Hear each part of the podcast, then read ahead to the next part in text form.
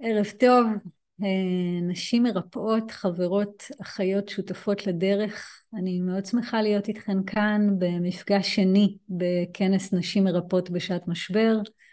כנס שמטרתו אה, לכוון אותנו למקום שבו אנחנו יכולות להיות אה, מועילות לעצמנו, קודם כל בתקופה משברית ומטלטלת מאוד, ובאופן טבעי כשאנחנו מועילות ומרפאות לעצמנו זה בטבעיות זורם הלאה לילדים שלנו, לזוגיות שלנו, למשפחה הרחבה ולקהילה כולה.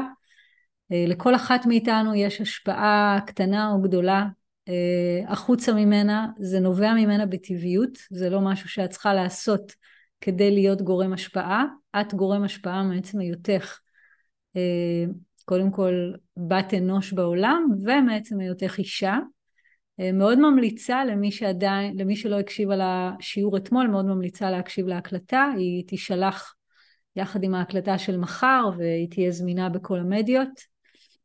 אה, הנושא אתמול היה נשים מרפאות את העולם והנושא היום הוא המשך ישיר מהו ריפוי שבטי נשי. אה, אני מרגישה שאני אתן לשני הנושאים האלה כמו לעשות אהבה אחד עם השני כי הם קשורים אחד לשני. אני מרגישה שמי שכבר נמצאת כאן בכנס, גם מי שנוכחת בשידור החי וגם מי שמקשיבה להקלטות, יודעת בדיוק את מה שאני יודעת על ריפוי שבטי נשי, אני לא חושבת שיש איזשהו הבדל בינינו.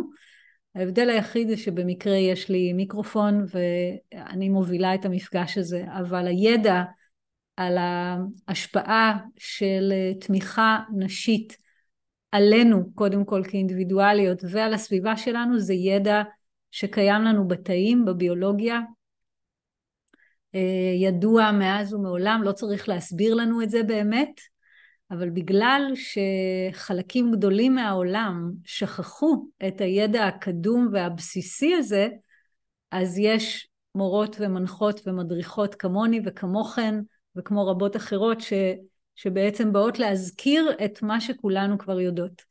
ומה שכולנו כבר יודעות זה שכשאנחנו נמצאות ביחד, אנחנו מרגיעות אחת את השנייה, מצחיקות אחת את השנייה, אה, משתפות בחוכמה, אה, זה יכולה להיות חוכמה על אה, אוכל טעים ועל הורות ועל מיניות ועל זוגיות ועל כסף ועל פוליטיקה ועל נסיעות לחו"ל ועל כל דבר, כלומר יש לנו את היכולת הטבעית ולא רק את היכולת, זו המשיכה שלנו להתעגל במעגלים אה, ולחלוק. אנחנו עושות את זה, אוקיי? אנחנו עושות את זה ובעצם הדגש שאני רוצה היום להוסיף, אנחנו עושות את זה בכל מקרה.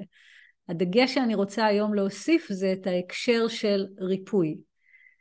אם אני רגע אשתף משהו מהמסע האישי שלי, אז כמוכן, גם לי תמיד היו חברות, לא בהכרח הרבה, אבל אני זוכרת uh, בבית ספר היסודי היו לי איזה שלוש חברות, בבית ספר תיכון היו לי איזה שתי חברות, כי שוב, כי זה טבעי לבת להימשך לבת ברמה האנרגטית, ברמה האינטימית, בלי קשר למשיכה מינית, יכולה להיות גם משיכה מינית או שלא. המשיכה היא קודם כל רגשית. נעים לנו אחת בחברת השנייה, אנחנו מבינות אחת את השנייה ואנחנו מרגיעות אחת את מערכת העצבים של השנייה. זה דבר טבעי שקורה ברמה ההורמונלית וברמה האנרגטית רוחנית.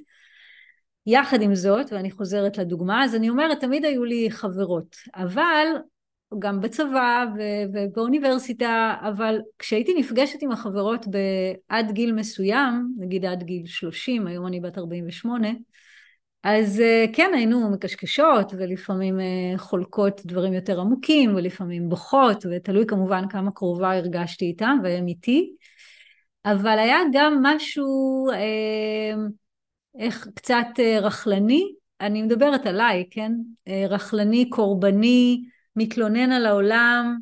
כאילו איך אני אגיד את זה? לא לקחנו את זה הכי גבוה שאפשר. לא ידעתי לא ידעתי כאילו שאני יכולה שהמפגש יכול להיות כולו מלא בריפוי, אוקיי? לא ידעתי את זה. ואז כשהתחלתי לחקור את עולם המדיטציה והצטרפתי לקבוצות למידה מתדר קצת אחר מהמרחבים שהסתובבתי בהם עד אז, אז פתאום הבנתי שאותו מפגש, מפגש נשי שיכול לקרות על כוס קפה או בדשא או בארוחת בוקר, יכול להיות לו תדר יותר עמוק, יותר מרפא, וזה רק עניין של כוונת הלב, זה לא משהו שאני צריכה לדרוש מהצד השני, זה רק משהו שעליי להביא, מה שבאופן טבעי אה, גרם בחיי האישיים לשינוי, זאת אומרת החברות שלי השתנו, ואני בטוחה שגם אתם חוות את זה, שאחת לתקופה החברות שלנו משתנות, השבט שלנו בעצם משתנה. אני אוהבת את המילה שבט, יש בזה גם את העניין של לשבט וגם את העניין של tribe, וזה מחבר אותי לשפה העתיקה, אז אני מאוד מתחברת לזה. אה, אבל כל אחת יכולה לקרוא לזה איך שהיא רוצה, מעגל, משפחה, חברות, זה לא באמת משנה, מה שמשנה זה שאני אה, מזמינה אותך להניח כוונה במפגשים הבאים שלך, עם, קודם כל עם החברות שלך, עוד מעט נדבר על משפחה, זה נושא מורכב בפני עצמו, אני מזמינה אותך להניח כוונה בתוך הלב שלך, היום אני רוצה להביא ריפוי למפגש הזה, וריפוי זה לא טכניקה, אוקיי? ריפוי זה הרפייה.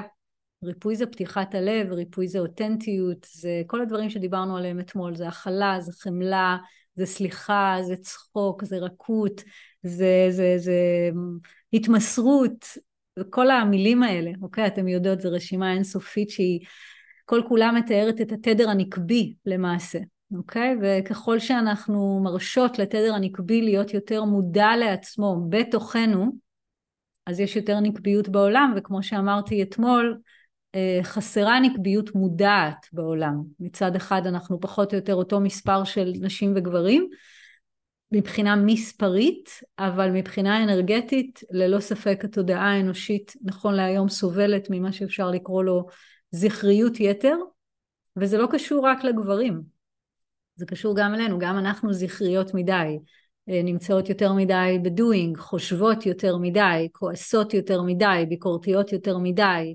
קשות עם עצמנו ועם הסביבה שלנו, אלימות, תוקפניות, אה, שמות לעצמנו מטרות שלא תואמות את התדר, את מה שעושה לנו נעים, המיניות שלנו היא אה, מבוססת מחשבה ומיקוד למטרה, כלומר זכריות יתר היא כרגע, אני לא רוצה לקרוא לה מחלה, כי זאת לא מחלה, היא בסך הכל חוסר איזון, זכריות יתר היא כרגע חוסר איזון קולקטיבי, שגם נשים סובלות ממנו וגם גברים סובלים ממנו, בפשטות, ממש במיקוד נקודתי של מה זה אומר זכריות יתר, זה פשוט אומר יותר מדי מטרתיות, פחות מדי uh, being, זה בפשטות.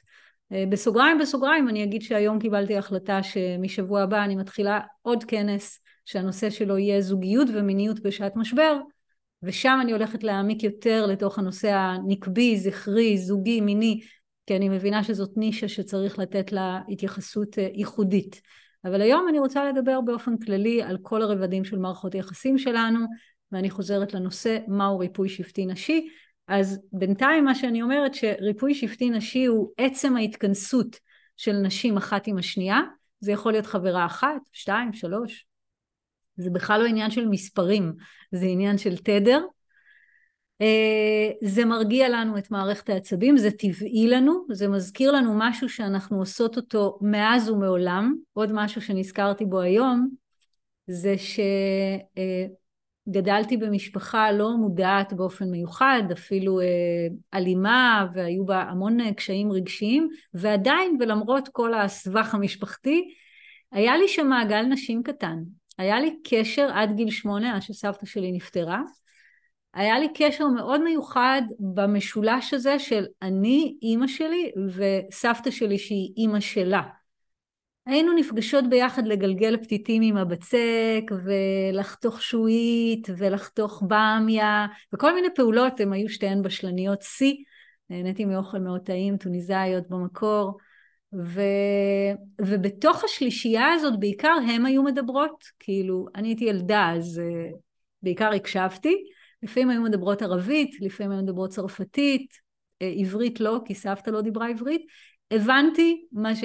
הבנתי הכל, הן היו מדברות על מערכת היחסים עם אבא, הן היו מדברות על כל מיני דברים שהזינו אותי, נתנו לי אינפורמציה על מה קורה במשפחה ולימדו אותי בלי, בצורה שהיא עקיפה, לימדו אותי על הוויה נשית שיש בה רכות ויש בה אהבה ויש בה שיתופיות והיו צחוקים וכמובן שהיה אוכל טעים.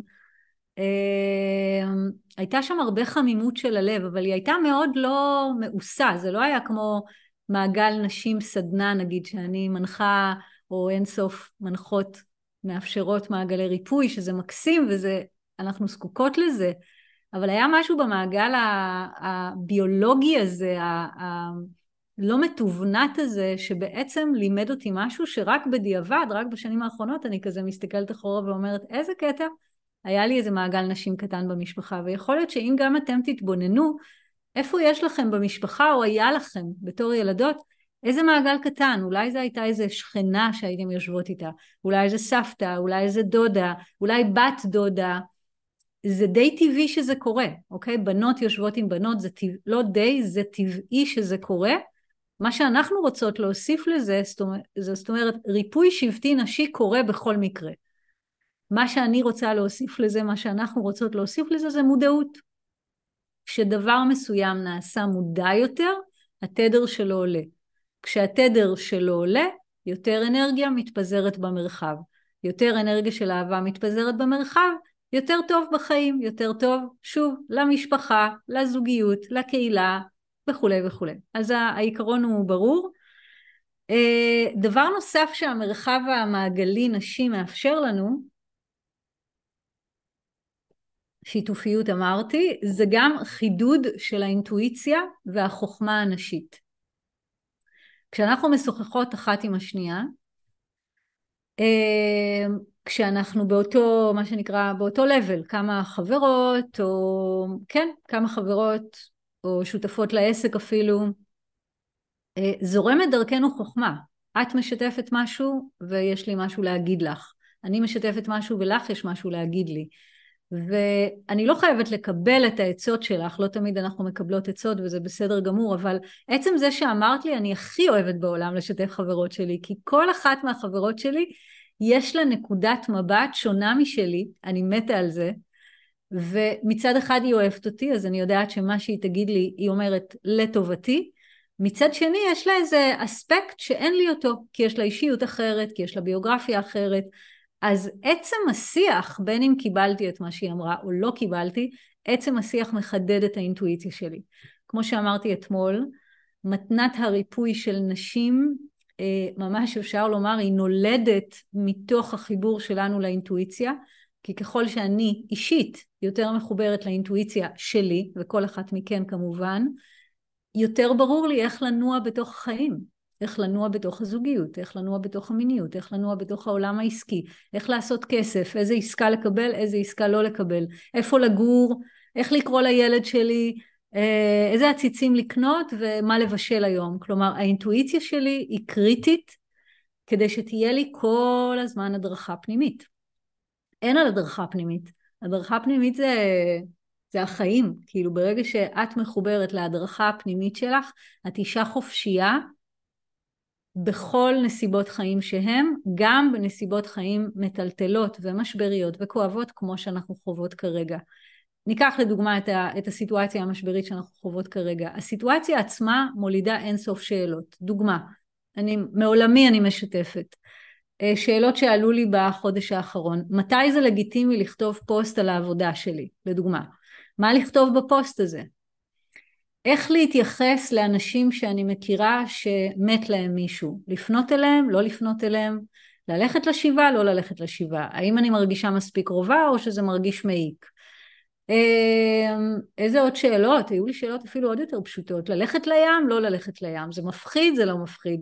לנעול את הדלת של הממ"ד או שזה כבר מיותר? אתם מבינות כאילו שאפשר כאן לעשות אה, שלושת אלפים שאלות וזה רק היה דוגמה קטנה זווית מהתודעה שלי. כלומר אנחנו כל הזמן ניצבות בפני שאלות והחלטות. מצבים משבריים רק מקצינים לפעמים את הכאב שסביב קבלת ההחלטה, כי אם לדוגמה אני אכתוב פוסט לא רגיש, אז יכול להיות שקהל הקהילה שלי תיפגע מזה, ואני הכי לא רוצה בעולם לפגוע, כי יש כרגע מספיק כאב. אז הכובד של ההחלטה הוא אפילו יותר קריטי, אבל למעשה, גם לא במצב כזה, השאלות האלה ואחרות נעות בתודעה שלי. כמה לבקש, כמה לבקש תשלום על המוצר שאני מוכרת? אה, באיזה, כמו שאמרתי, באיזה עבודה לעבוד? האם אני רוצה להיות שכירה? האם אני רוצה להיות עצמאית? האם אני אצליח במה שאני עושה? אז האינטואיציה היא קריטית לכל הנושאים בחיים שלי. אה, עסק, הורות, זוגיות, מיניות, קשר עם הקהילה, התנדבות, איפה בא לי להתנדב, כמה בא לי להתנדב, וכולי וכולי. אז כשאנחנו נמצאות במעגל נשים ומשתפות ופותחות את הלב ונפתחות לחוכמה נשית, האינטואיציה שלנו מתחדדת מעצם השיתופיות ולא בהכרח מזה שאנחנו מקבלות את הדעות של אנשים אחרים, של נשים אחרות במקרה הזה, והחוכמה שלנו מעמיקה, אוקיי? כי מה זה האינטואיציה למעשה? היא, היא כמו, האינטואיציה היא כמו התחלה שכשאנחנו הולכות איתה עד הסוף, אנחנו נפתחות ליותר ויותר מהחוכמה שלנו. נשים בעולם שמחוברות לעצמן הן נשים חכמות והן מורות של אהבה. אם תרצו מילה יותר רכה ממורות, כי זה עושה לנו קונוטציה של בית ספר, אז נשים הן אה, חכמות והן חונכות של אהבה, אוקיי? ואם תרצו מילה רוחנית, אז תקראו להן כהנות של אהבה. זה לא באמת משנה, אהבה וחוכמה. נשיות, אהבה, חוכמה.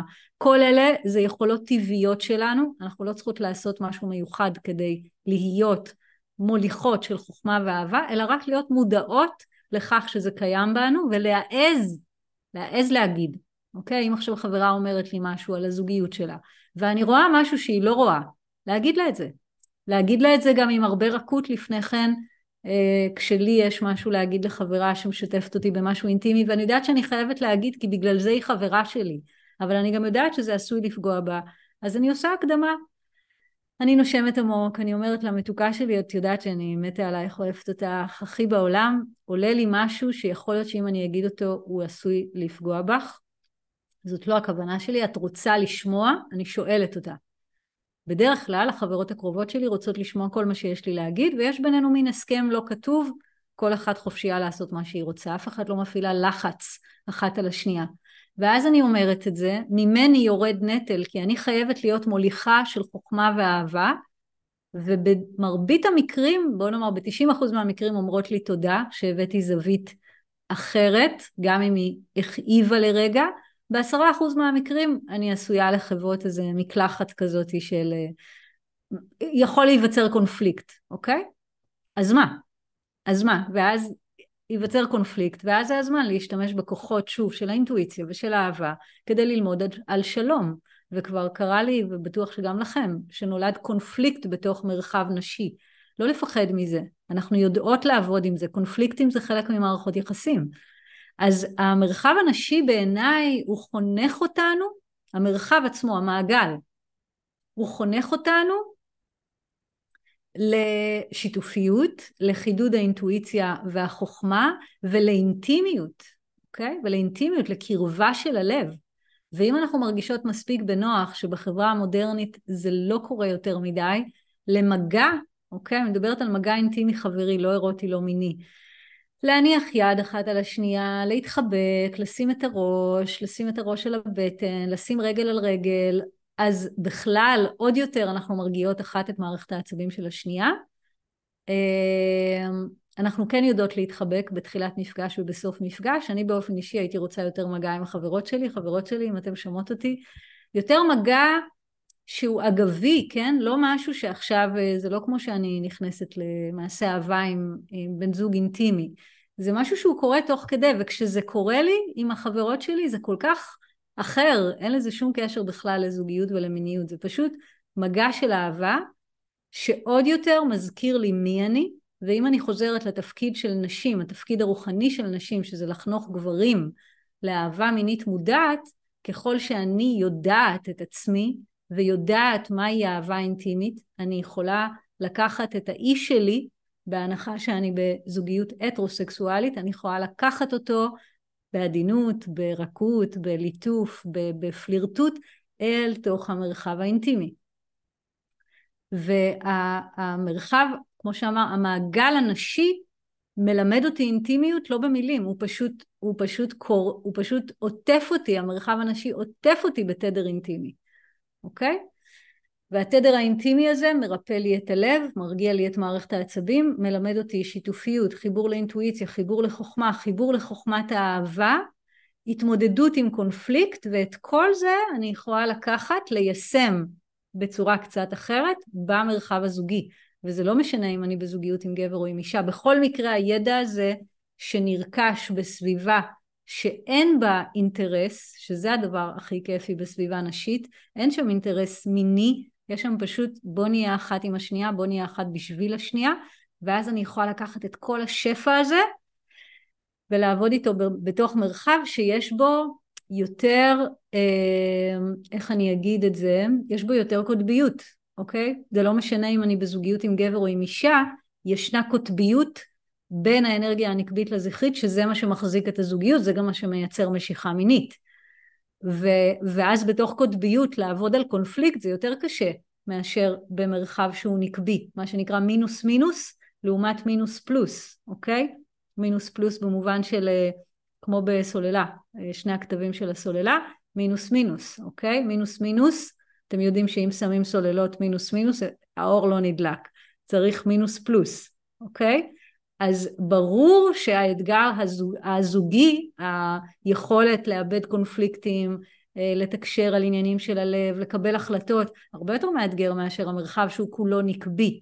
ויחד עם זאת, המרחב הנקבי הוא כמו ההיטענות. אני טוענת את המערכת שלי, נרגעת, מתמלאת, מתמסרת, נפתחת, ואז הולכת לעבוד, וחוזרת. זאת אומרת שכל אישה זקוקה למרחב ריפוי נשי, לשבט נשי, ואני באמת ממליצה, מזמינה, אה, מזמינה אותך לייצר לעצמך סביבה נשית תומכת. זה יכול להיות גם במעגלי נשים אה, מונחים, למי שתרצה, יש לי מעגל כזה שקורה אחת לחודש, שנקרא נשים מרפאות, אה, שמתקיים בבורגתה, בעמק חפר, ביום שישי בבוקר, וזה ממש כיף להיות בו. ויחד עם זאת, בא לי להגיד ויש כמובן עוד הרבה מורות ומנחות, ואם אתן גרות באזור אחר בארץ, אתן מוזמנות uh, לכתוב לי בפרטי ולשאול אותי אם אני מכירה מעגלים באזור שלכם, אני אשמח להמליץ על מנחות אחרות. אבל מה שחשוב לי להדגיש זה מעבר להשתתפות בסדנה שהיא מוחזקת על ידי מורה והיא גם בעלות כספית מסוימת, ישנה מתנה נוספת שהיא לא יכולה לקרות בסדנאות, זה המתנה של חברות. וזה לא עונה על אותו צורך, אוקיי? זה לא עונה על אותו צורך. יש משהו במעגל ריפוי, כשאני מובילה מעגל ריפוי, אני עושה שם עבודה שהיא מאוד עמוקה, עבודה מקצועית, מלמדת כלים, תקשורת מקרבת, עבודה סומטית, ריפוי טראומה. כשאני יושבת עם החברות שלי, כל הדברים האלה קורים הלכה למעשה, בלי שאף אחת מובילה. אני יכולה לשחרר את ה... אני לא צריכה להוביל וגם אף אחד לא מוביל אותי. אנחנו בשוויוניות. ויש משהו בשוויוניות שהוא מרפא בעצמו ואנחנו זקוקות לזה, אוקיי? אז uh, זה הסיבוב הראשון של השיעור. בואו תראו אם יש לכם uh, שאלות שאתם רוצות uh, לשאול. אז אין שאלות בינתיים, זה בסדר. אני מזמינה אותנו לקחת רגע נשימה. להרגיש רגע את הגוף שלנו. כל החוכמה הנשית, כל האינטואיציה, כל מה שאני מדברת עליו נמצא בתוך הגוף, בכל תא ותא. נמצא בעוצמה ובאינטנסיביות במערכת המינית, אה, שהיא כל אזור האגן, כל אברי המין, שחלות, החצוצרות, הנרתיק, הפוט, הדגדגן, השפתיים, הרחם, צוואר הרחם, עד השדיים, אתם יכולות לצייר ממש משולש, המשולש מתחיל בשדיים, אתם יכולות לעשות את התנועה הזאת ביחד איתי, אני פשוט פורסת את הידיים על שתי השדיים ויורדת למטה בצורה של משולש. אוקיי? זה, זה האזור, ה, איך להגיד, היותר רגיש בגוף שלך לחוכמה נשית. אה, כמובן שכל הגוף שלך רגיש לחוכמה נשית, כן? אין, אה, גם אין הפרדה באמת בין השדיים לבטן, לידיים, ללב, אבל כן חשוב לי להדגיש שהחוכמה הנשית העמוקה ביותר מתקיימת במיניות שלך. אה, מחר השיעור הולך לעסוק בקשר שבין הטראומה הקולקטיבית שאנחנו עוברות כרגע עם, עם החטופות שנמצאות אי שם בידיים של גברים שלא רוצים בטובתם והנאנסות הטראומה הקולקטיבית הזאת מציפה אצל רבות מאיתנו גם פגיעות מיניות שלא עברו ריפוי בצורות שונות, על זה אני אדבר מחר. היום אני דווקא רוצה להדגיש את, ה, את החיבור המיני האינטואיטיבי, את החלק הבריא של המיניות, מחר נדבר על טראומה, היום אנחנו מדברות על בריאות, שברור ששני הדברים האלה קיים, קיימים, גם הבריאות וגם הטראומה קיימת אצל כל אחד מאיתנו. אמ, אז לרגע אחד פשוט גם הרגשתי לקחת רגע הפסקה מה, מהמילים ורגע אחד לשים את הידיים על השדיים ולצייר את המשולש בעזרת הידיים, פשוט לצייר אותו, להרגיש אותו. משולש יפה. אפשר לצייר עוד סוג של משולש, שזה האגן הוא, ה... האגן הוא הבסיס של המשולש, האגן הוא הבסיס של המשולש, ועולה למעלה לכיוון הלב, ואז מה קורה? נוצר מגן דוד. מגן דוד זה לא סימן יהודי, מגן דוד זה סימן אה, פגאני שמסתובב בתודעה האנושית אה, הרבה מאוד, אה, הרבה מאוד שנים, הרבה לפני שהיהדות נוצרה. וגם היהדות בחרה לקחת אותו ולכבד אותו, והוא גם חלק אפילו מהדגל של המדינה הזאת, אז, אז יש לנו גם מגן דוד בתוך הגוף, אוקיי? אז יש כאן מרכז אחד בסיס אגן, קודקוד לב, ויש לנו בסיס שדיים, קודקוד, שימו לב לקודקוד, אפות, ללא ספק בכלל, אוקיי? עכשיו כשאנחנו מתעגלות בשבט הנשי, כמו שאמרתי, זה יכול להיות חברה אחת, זה יכול להיות מעגל מקצועי וזה יכול להיות יותר חברות. זה יכול להיות בנות משפחה שיש לנו קשר טוב איתן. כשאנחנו מתעגלות אה, בשבט הנשי, המערכת שלנו מקבלת הזנה, ובעיניי, וזה באמת רק בעיניי, הנושא החשוב ביותר לשוחח עליו במרחבים נשיים זה מיניות. למה? כי זה הנושא הכי פחות מדובר. זה הנושא שהדתות עשו עבודה ממש טובה בלהרחיק אותו מהשדה הציבורי, ואני שמה לב, החברות שלי מכירות אותי, אז אה, עם החברות שלי באמת יש שיח על הכל, גם על מיניות, אבל זה לא היה ככה. נגיד אפילו בשנות ה-30 כשהתחלתי לפגוש נשים יותר שמתרגלות מדיטציה ויוגה והשיחות התחילו להעמיק, עדיין לא דיברו על מיניות. רק כשאני התחלתי לקחת את הנושא הזה כ- כנושא ריפוי בתוך החיים שלי, פתאום זה פתח את המעגלים החבריים שלי. כלומר, מה אני באה להגיד? למרות שלנשים זה מאוד טבעי לדבר עם חברות על הכל, והן לא צריכות ללמוד את זה בשום צורה, זה פשוט קורה להן. רוב הנשים לא מדברות על מיניות. וזאת נקודה שאני רוצה רגע רק כזה להניח אותה, לנשום לתוכה, להאיר כמו זרקור של אור בלי שום ביקורת ושיפוט, רק לראות את זה, איזה קטע. למה כל כך חשוב שנדבר על מיניות? כי כמעט לכל אחת מאיתנו יש שם איזשהו עניין, אם זה עברתי הטרדה מינית, אם זה עברתי פגיעה מינית, אם זה יש לי אתגר במיניות אה, בתוך הזוגיות שלי היום, או היה לי בזוגיות הקודמת ואני כרגע לא בזוגיות ואני חושבת לעצמי איך זה יהיה בזוגיות הבאה שתהיה לי, כלומר מיניות היא נושא שאנחנו רוצות להתפתח בו למעשה כמו כל נושא אחר, רק שהיא הנושא הכי פחות מדובר מכל שאר הנושאים. נשים מדברות על הכל, על uh, תזונה, עליתי במשקל, ירדתי במשקל, מה התזונה שלי, מי המטפלת שלי, מי הנטורופטית שלי, איפה אני מתרגלת יוגה, מי המאמן כושר שלי, מלא דברים לא מדברות על מיניות, גם לא מדברות על כסף, כמה אני מרוויחה, כמה הייתי רוצה להרוויח, איזה אתגרים יש לי סביב כסף, האם אני מרגישה תלויה בבעלי, האם בעלי תלוי בי, בעלי, בן זוגי, אהובי, בת זוגתי, מה שתרצו. אה, שני הנושאים האלה הם טאבו, אני רוצה להדגיש כרגע את הנושא המיני, לא כי אני מחשיבה פחות את הנושא של כסף, אלא כי יש לי איזה אג'נדה. האג'נדה, האג'נדה שלי אומרת שכש... נבחר ללמוד לעומק את הנושא המיני שחבויה בתוכו האנרגיה המינית בטהרתה, גם הנושא של כסף ייפתח בטבעיות. כלומר, איך אני אגיד את זה אחרת? מיניות קדמה לכסף. קודם אני אישה מינית, אחר כך אני אישה שעושה כסף או לא עושה כסף או קשה לה עם כסף. קודם אני אישה מינית, מעצם היותי אני אישה מינית. בין אם אני אוהבת סקס, לא אוהבת סקס, הרבה זמן לא עשיתי סקס, זה לא משנה. אני אישה מינית מעצם היותי, אני גם גבר מיני מעצם היותי. השאלה היא באיזה תדר מתקיימת המיניות שלי, וכשאנחנו מעזות לדבר על המיניות שלנו בפתיחות עם השבט, וואו, מה שזה פותח. בהתחלה זה יכול לפתוח, קודם כל להקליל את האווירה, כי מי מדברת על מיניות בפתיחות? זה כל כך נדיר.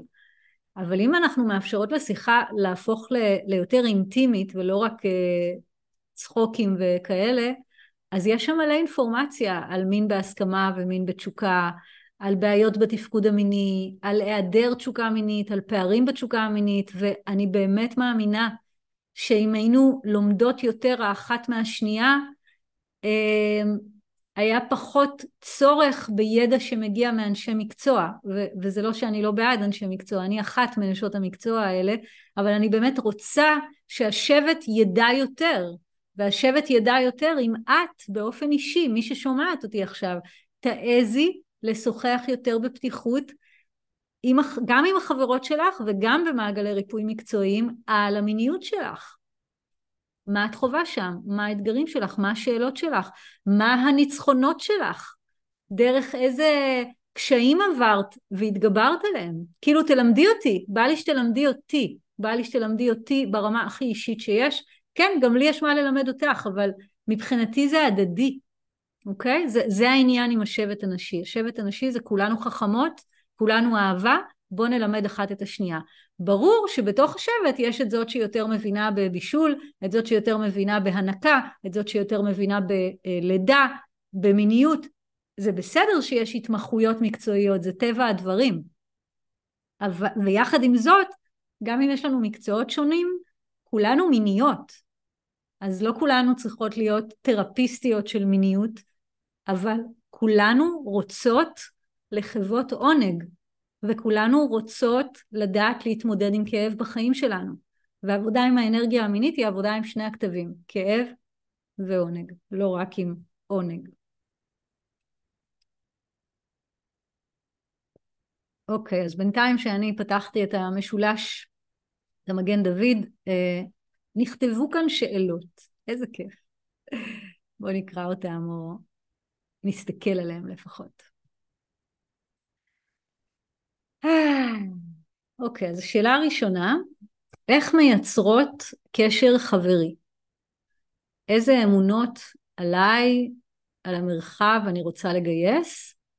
טוב, לא הבנתי את החלק השני של השאלה, איזה אמונות עליי על המרחב אני רוצה לגייס, אני אנסה להקשיב לזה. איך מייצרות קשר חברי? זאת שאלה מעולה. אה, איך מייצרות קשר חברי? קודם כל אה, חושבות על זה, זאת אומרת קודם כל תראי שאת באמת רוצה את זה, אוקיי? תראי שאת באמת רוצה את זה, תתחילי לדמיין את זה, תתחילי להרגיש את זה.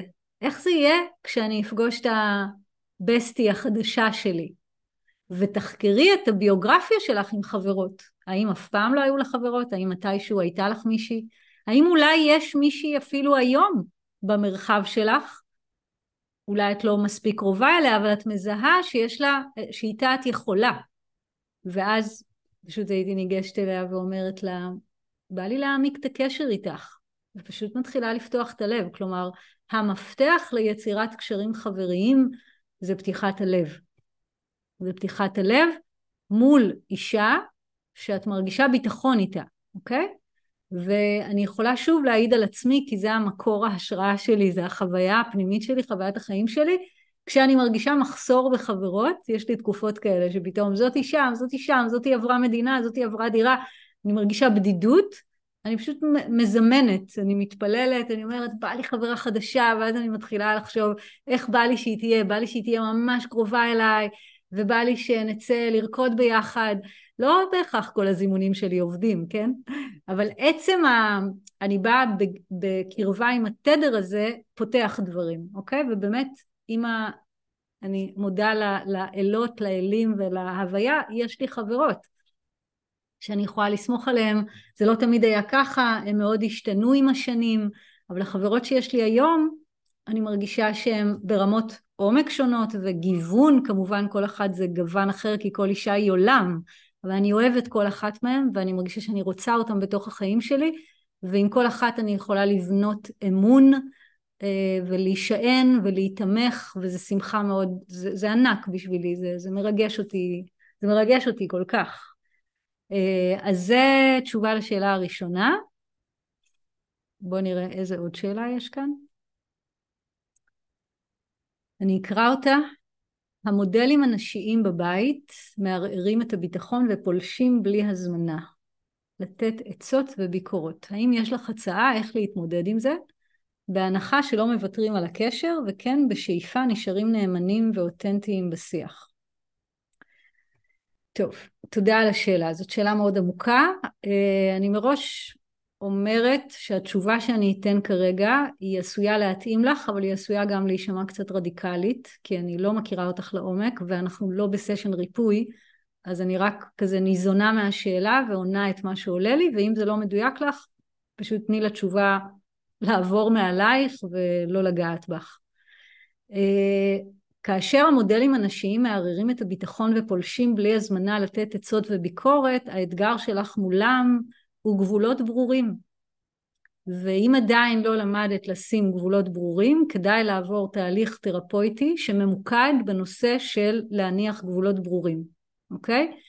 כי אין דרך באמת שאת תוכלי להרגיש אה, שאת יכולה להיות אותנטית ונאמנה לעצמך מבלי לנתק איתם את הקשר, אין דרך לעשות את זה אם לא חנכת אותם, אפילו חינכת אותם, לכבוד כלפייך, אוקיי? ואם הם לא ידעו לעשות את זה כשהיית ילדה ונערה, ואז היית צעירה מכדי לשים גבולות, עכשיו האתגר הוא גבולות. זה אתגר שעברתי דרכו הרבה מאוד, ונכון להיום חינכתי את כל בני המשפחה שלי לכבד אותי כמו שאני, גם אם הם לא אה, מסכימים עם צורת החיים שלי או עם צורת החשיבה שלי או עם האמונות הפוליטיות שלי, אבל זה היה תהליך של שנים, וכשהבנתי שאני רוצה ללמד את המשפחה לשים גבולות, הייתי מוכנה גם לאבד אותם, שזו נקודה מאוד חשובה, הייתי מוכנה לאבד אותם, לאבד את מה שיש להם לתת לי, לאבד באלף, כאילו לא הסכמתי לשלם יותר מחיר על זה שתהיה לי משפחה. ואז לאט לאט, זה תהליך של שנים, אבל בסופו של דבר מגיעים לאיזה שקט, ו... וזה תה... חשוב להגיד, זה תהליך. אוקיי, יש כאן שיתוף, לי פשוט אין קשר ממש אינטימי וקרוב עם אף אישה במשפחה שלי. בסדר גמור, זה לא חייב להיות... Uh, השבט הנשי הוא לא ביולוגי, בסדר? Uh, הקשרים הכי קרובים שיש לי עם נשים, אף אחת מהן היא לא אחות ביולוגית שלי, אלא חברות, אני קוראת להן אחיות, אבל הן uh, לא מהדם שלי, אוקיי? אז uh, הנקודה היא לא שזה יהיה מהמשפחה, אלא הנקודה היא שזה יהיה מהלב, משפחת הלב, אוקיי? אז בואו נתקדם עוד קצת ואז אני אתן מקום לעוד שאלות. אה, אני רוצה לדבר רגע על ריפוי רב דורי, אוקיי? אני רוצה לדבר על ריפוי רב דורי ועל למעשה מה, מה עוד מאפשר אה, השבט הנשי, אוקיי? וזה דווקא מתחבר מאוד עם השיתוף אה, של מי שכתבה שאין לה מישהי מהמשפחה שהיא יכולה לסמוך עליה, שאני כמובן מכירה הרבה נשים כאלה. אה, בא לי להגיד שגם לי אין מישהי מהמשפחה לסמוך עליה. אימא שלי מתה לפני 22 שנה, סבתא שלי מתה לפני 40 שנה. אז אין אף דודה, אה, אין אף, אף אחד מהמשפחה שאני יכולה בכלל להגדיר אפילו לא רק, לא רק שבט נשי, גם שבט בכלל. כאילו המשפחה הביולוגית שלי היא לא השבט שלי. המשפחה הביולוגית שלי היא שורש הריפוי שלי. אני מכבדת אותם, אני אוהבת אותם, אני שמחה שנולדתי למשפחה הזאת, בלעדיהם לא הייתי הופכת להיות האישה שאני, אבל האנשים שנכנסים לי לתוך הלב הם אנשים אחרים לחלוטין, שנכנסים ונשארים שם ושאיתם אני יכולה לשאול שאלות ולהתייעץ ולשתף בפגיעות ולהביא חשיפות.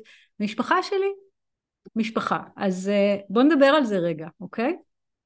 כי זה מאוד פופולרי שדווקא המשפחה הביולוגית היא לא השבט, אוקיי? היא לא השבט, היא לא השבט לא הנשי, לא הגברי, לא המעורבב, אוקיי? זה מאוד פופולרי בארץ, בעולם, בכל מקום. הייתי אומרת סטטיסטיקה, מה שנקרא, סטטיסטיקה אינטואיטיבית, שאולי רק 20 אחוז מהנשים או האנשים בעולם מרגישים שהמשפחה הביולוגית שלהם היא השבט שלהם. רוב האנשים מרגישים בדיוק הפוך. משפחת המקור היא בדרך כלל מקור לטראומות, לקשיים, לפחדים, לאתגרים, למריבות, לקונפליקטים, נידוי, הכל, כאילו כל מה שרק אפשר, ואתם יודעות את זה כי גם לכם יש משפחה. אז סטטיסטיקה לא מדעית, אבל לסטטיסטיקה אינטואיטיבית יש הרבה כוח. אמ, אז מה אני אומרת? אני אומרת שחלק מהריפוי הרב-דורי, אוקיי? הריפוי הרב-דורי, הריפוי שלי יש לעבור מול אבא שלי, מול אימא שלי, מול אח שלי ואחות שלי. זה המבנה של המשפחה הגרעינית שגדלתי בה, זה אח, אחות, אימא, אבא. חלק מהריפוי שעליי לעבור מול המשפחה שלי, אני מקבלת כוחות ואינטואיציה וכלים לעבור אותו דרך השבט הנשי של הלב שלי, אוקיי? זאת אומרת, ברור שיהיה לי יותר קל לדבר על אתגרים שהיו לי, היום אין לי, אבל זה רק בגלל שעבדתי מאוד קשה ב-25 שנה האחרונות על הקשר עם אבא שלי, אבל רוב חיי היה לי קשר מאוד קשה עם אבא. עם מי דיברתי על זה? איתו לא יכולתי לדבר על זה, אמא נפטרה מזמן, עם חברות שלי.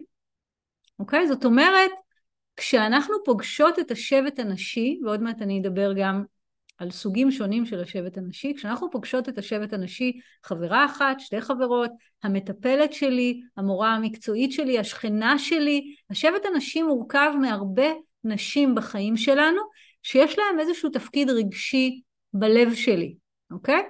השבט הנשי של הלב שלי הוא שער לריפוי של הקשרים עם המשפחה שלי, מהמשפחה הביולוגית שלי, אוקיי? לא תמיד אנחנו יכולות לעבור את הריפוי הרב-דורי בתוך המשפחה. אנחנו נהיה חייבות בסופו של דבר לחזור למשפחה וכמו הדוגמה שהייתה כאן, ללמוד לשים גבולות, ללמוד להגיד את האמת שלנו, ללמוד לדרוש את מה שאנחנו צריכות, ללמוד להגיד, לשתף בחוויה שחווינו שהייתה כואבת בילדות, זה החובה שלנו כלפי המשפחה. אבל כדי לקבל כוח לעשות את זה, אנחנו צריכים... תראה שלאמת יש מים. אם אפשר לסגור את המיקרופון בבקשה.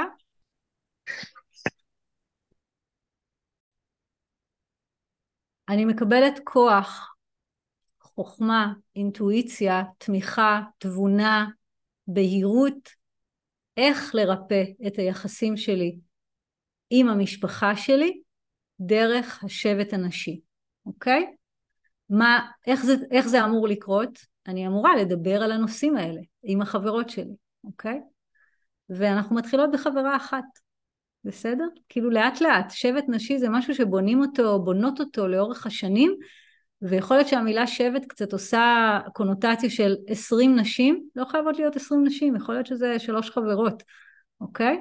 זה לא העניין, תזכרו, זה בכלל לא עניין מספרי, זה לא עניין מספרי, זה עניין מהותי, אוקיי? זה עניין מהותי של כמה עומק יש בקשר שלי עם חברה, אוקיי? עם חברה. אם במקרה היא האחות הביולוגית שלי, זה כנראה סטטיסטית אה, רק ב-20% מהמקרים זה ככה.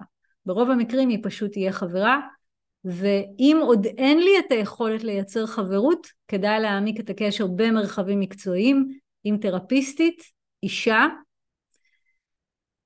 עם מעגל נשים מקצועי ולהמשיך להתפלל ולהמשיך להניח כוונה של אני רוצה שתהיה לי חברה שוויונית לי, מה שנקרא לא בכסף, זה מאוד מאוד חשוב, אוקיי? זה מאוד חשוב, מאוד יש חשיבות לעבודה מקצועית ויש גם חשיבות לעבודה לא מקצועית, לעבודה שהיא קורית, בואי לקפה, תכיני לי אה, עוגה, אה, אני חוגגת יום הולדת, אני רוצה את זה בתור מתנה, אוקיי? זאת אומרת, יש המון המון משמעות ל, ליחסים שהם, אין בהם חליפין, אוקיי? יש בהם ריפוי מתדר אחר. עכשיו, נקודה אחת שאני רוצה להדגיש בהקשר של ריפוי רב-דורי, כשאני מנחה מעגל נשים, אה, האופן קודם כל שאני בוחרת לעבוד עם מעגלי נשים בשנים האחרונות השתנה, אוקיי? פעם כשהייתי מנחה מעגל נשים הייתי קובעת איזשהו תאריך, בדרך כלל לסדנאות תהליכיות, מזמינה נשים, ואז הולכת איתם דרך, חמש פגישות, עשר פגישות, חמש עשרה פגישות, וזאת צורה אחת של עבודה, אוקיי? זה מה שנקרא השבט בונה אינטימיות בצורה יציבה, סגורה, סגורה במובן של אה, אה, אה, בונה ביטחון, safety, אוקיי? בשנים האחרונות, כבר זו שנה רביעית, אה, מכל מיני טעמים, בעיקר כי זה יותר תואם את התדר שלי, שיניתי את צורת העבודה שלי במעגלי נשים ואני בעצם עובדת בצורה ספירלית ואני רוצה להסביר את זה רגע בהקשר של ריפוי רב דורי. מה זה אומר בצורה ספירלית? זה אומר כל חודש אפשר להצטרף למעגל נשים שאני מנחה וכל חודש כשאת תבואי, אם תבואי, את תפגשי נשים אחרות. מצד אחד את תפגשי נשים שאולי היו כאן בפעם הקודמת, אבל תמיד גם תהיה מישהי חדשה.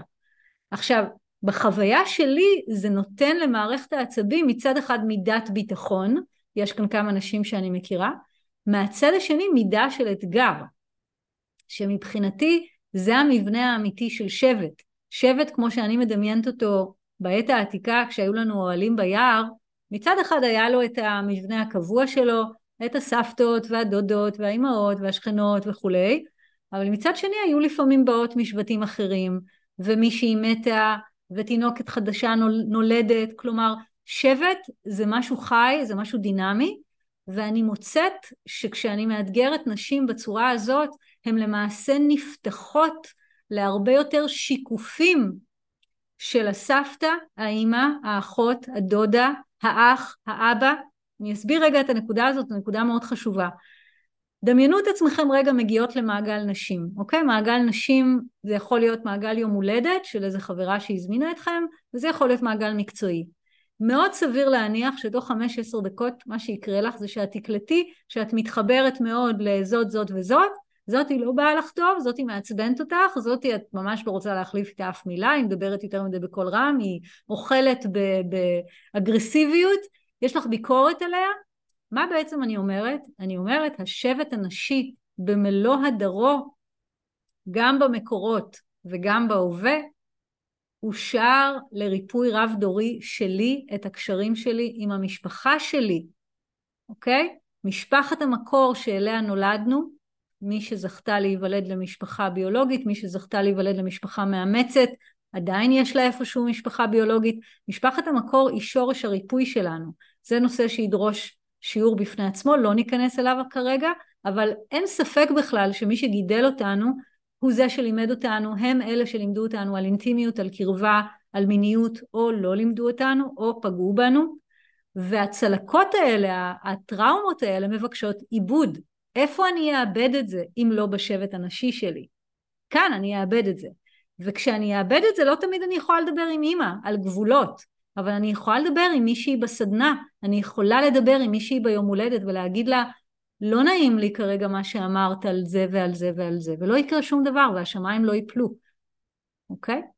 אז uh, השבט הנשי יש לו הפוטנציאל לעזור לי בריפוי הקשרים עם משפחת המקור שלי, וזה קורה דווקא כשאני מאתגרת את עצמי להיות גם במרחבים נשיים שהם לא מאה אחוז נוחים, שהם לא מאה אחוז ביטחון, לא חס וחלילה סכנה, מה פתאום, אבל גם נגיד מרחבים של אני לא מכירה כאן את כולם, אתם מכירות את זה שמזמינות אתכם ליום הולדת ואתם אומרות מה אבל אני לא מכירה שם אף אחת, רק אותך, אני אומרת לכי, לכי, לכי, לכי תתמודדי עם התחושות והרגשות שיעלו לך כי יש לך כאן הזדמנות לרפא את הקשרים שלך עם משפחת המקור שלך זה קורה באופן לא מודע, מעצם זה שאת מוכנה לפגוש רגשות ותחושות לא נעימים, אוקיי? ואם זה במעגל מקצועי, אז יש לך מנחה שם שיודעת להחזיק את המרחב, אז זה הרבה יותר קל אפילו.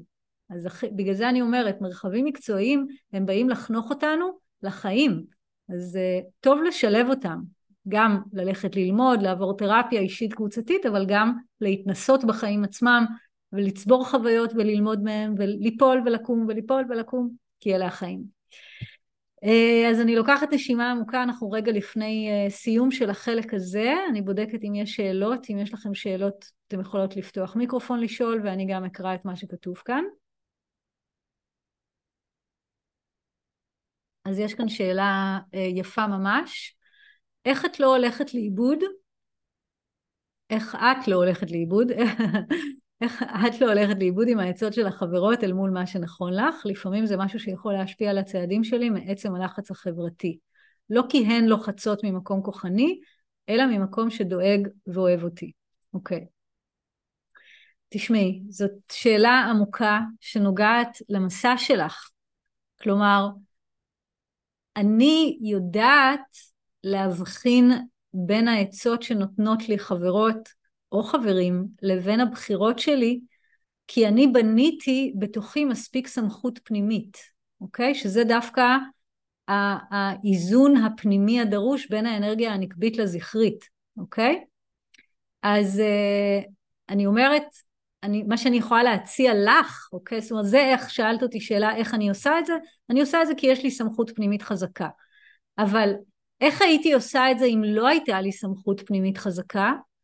הייתי משתפת את החברות בדיוק במה שכתבת עכשיו. הייתי נגיד חברה עכשיו נותנת לי עצה, והייתי אומרת לה, תשמעי, העצה שלך כרגע מערערת אותי, אה, לא בגללה, לא בגלל העצה ולא בגללך, אלא כי, כי אני שמה לב שקשה לי, יש נושא שחוזר על עצמו בחיים שלי, והוא שקשה לי לדעת מה טוב לי. מה... ואז, מבינה מה שאני אומרת? אני אומרת, אם הנושא שלך כרגע שאת חושפת אותו ומעלה אותו זה הקושי לזהות ולהאמין לקול הפנימי שלך, לאינטואיציה שלך, תביאי את הנושא הזה לתוך מרחב ריפוי נשי, גם מרחב חברי, גם מרחב מקצועי, כלומר יש לך שם נקודה שאת רוצה לרפא אותה ותעזרי במרחב כדי, לא כדי לקבל עצות, אלא כדי להביא את הפגיעות שלך סביב הנושא הזה. אה, הערה אחרונה ובזה אנחנו נסיים. אה, טוב, זה שיתוף ממש ארוך. אני אגש ישר לשאלה, איך ניתן למצוא חברת אמת ולב שאפשר לסמוך עליה באש ובמים ולא תיעלם אחרי החיבור במעגל? אני פשוט uh, שמחה על השאלה, ואני נותנת לה להדהד במרחב, כי זה ניכר שהשיח שכרגע הבאתי לכאן, ההילינג שהבאתי לכאן, מציף במי שלא מרגישה שיש לה חברה שיכולה לסמוך עליה באש ובמים, מציף את השאלה הזאת. ומה שאני עושה עם שאלות שחוזרות על עצמן בתוכי, זה נמצאת איתם, לא ממהרת לענות עליהן. כי אין כאן איזשהו מתכון טכני, איך, זה כמו איך למצוא זוגיות. אין, יש הרבה עבודה פנימית שאני יכולה לעשות כדי אה, לנקות טראומות, ו, אבל בסופו של דבר אני אמצא זוגיות כשהמגנט שלי יהיה בשל למגנט אותו אליי, אז אותו דבר לגבי החברה. אז אני אומרת, מי שמרגישה שכרגע אין לה אישה שהיא יכולה לסמוך עליה, תישארי עם השאלה הזאת ותבדקי בתוכך מה בך, מהם הפחדים שעולים בך, שמונעים ממך אה, לבנות את האמון הזה, לא עם מישהי ספציפית, אלא בכלל, אוקיי? שזה נגיד העבודה שאני עשיתי מול הנושא של זוגיות, מה, ממה אני מפחדת שיקרה לי כשאני אהיה בתוך זוגיות, אוקיי? וזה כמובן מאוד אה, אה, ריפא ופתח את הנושא הזה שאני עדיין חוקרת ועדיין לומדת אותו בתוך החיים שלי. אז אה, אני רוצה להגיד לכם תודה שהייתם כאן ושאפשרתם לידע הזה אה, לזרום כמו מים בשילוב עם הרבה אש ואדמה ואוויר ושמחה מאוד מאוד גדולה להיות כאן. אני מרגישה שהטלטלה, משבר, מלחמה, מה שהיא עושה אה, לאור, היא, היא פשוט מגבירה אותו, היא בעצם הופכת את כל המקומות החשוכים בתוכנו, הכואבים, ליותר כואבים, והיא דורשת מהאור שבנו להידלק. מה זה האור שבנו? זה לראות את הדברים. אור, לראות, לראות מה כואב לי, לראות מה חסר לי, להתמודד עם זה, אוקיי? אה, מה אני עוד אגיד? אני אגיד שאני ממש אשמח שתספרו על הכנס הזה לחברות, לאחיות, תשלחו לינקים, אה, אה, תגידו, תזמינו אותם לבוא להיות איתנו כאן מחר, כי זה פשוט כיף להיות ביחד. ותודה על ההקשבה שלכם, היא חלק בלתי נפרד מהזרימה שאתן חוות שעוברת דרכי. אוהבת אתכן.